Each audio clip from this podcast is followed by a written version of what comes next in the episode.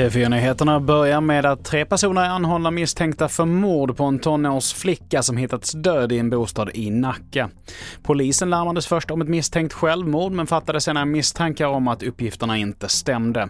Enligt uppgifter till Expressen finns det misstankar om ett hedersmotiv. Och teknisk undersökning pågår just nu och förhör med de anhållna ska hållas under helgen. Och fortsätter med att sommarens planerade leveranser av Pfizer-Biontechs vaccin mot covid-19 skjuts upp. Anledningen till att man kommit överens om detta är att det nu finns ett överskott och att det pågår nya studier. Vi hoppas ju få då till september och från september ett uppdaterat vaccin där man kombinerar det nuvarande vaccinet med någonting mot omikron. Eh, så att det, det gäller liksom för hela tiden försöka ligga i framkant här och ha någonting mot nästa våg inför nästa vinter. Och här hörde vi Mats Bergström som är nationell vaccinsamordnare.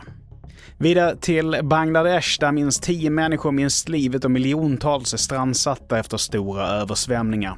I översvämningarna, som beskrivs som de värsta på nästan 20 år, har stora skyddsvallar vid floden Barak brustit och över 100 byar står under vatten.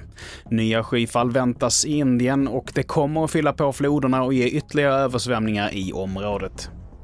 Och det första fallet av apkoppor har nu konstaterats i Mellanöstern, det rapporterar TT.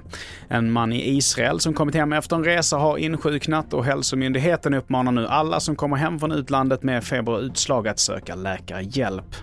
Och till sist så kan Zlatan bli ligamästare igen ikväll och det kan bli hans sista match, men hittills så har han varit ganska hemlighetsfull kring det hela. Alltså han har ju varit väldigt förtegen om, eh, om vad, vad framtiden har väntat. Det är, ju, det är ju snarare att han har mer berättat att nu börjar han liksom se slutet på eh, ljuset i den där tunneln. Eh, tidigare har han ju aldrig pratat om vad som ska hända efter. Han har ju pratat om att han kommer sakna fotbollen väldigt mycket. Och reporter här var Ali Reza. Matchen mellan Sassuolo och Milan kan du följa på Simor klockan sex ikväll.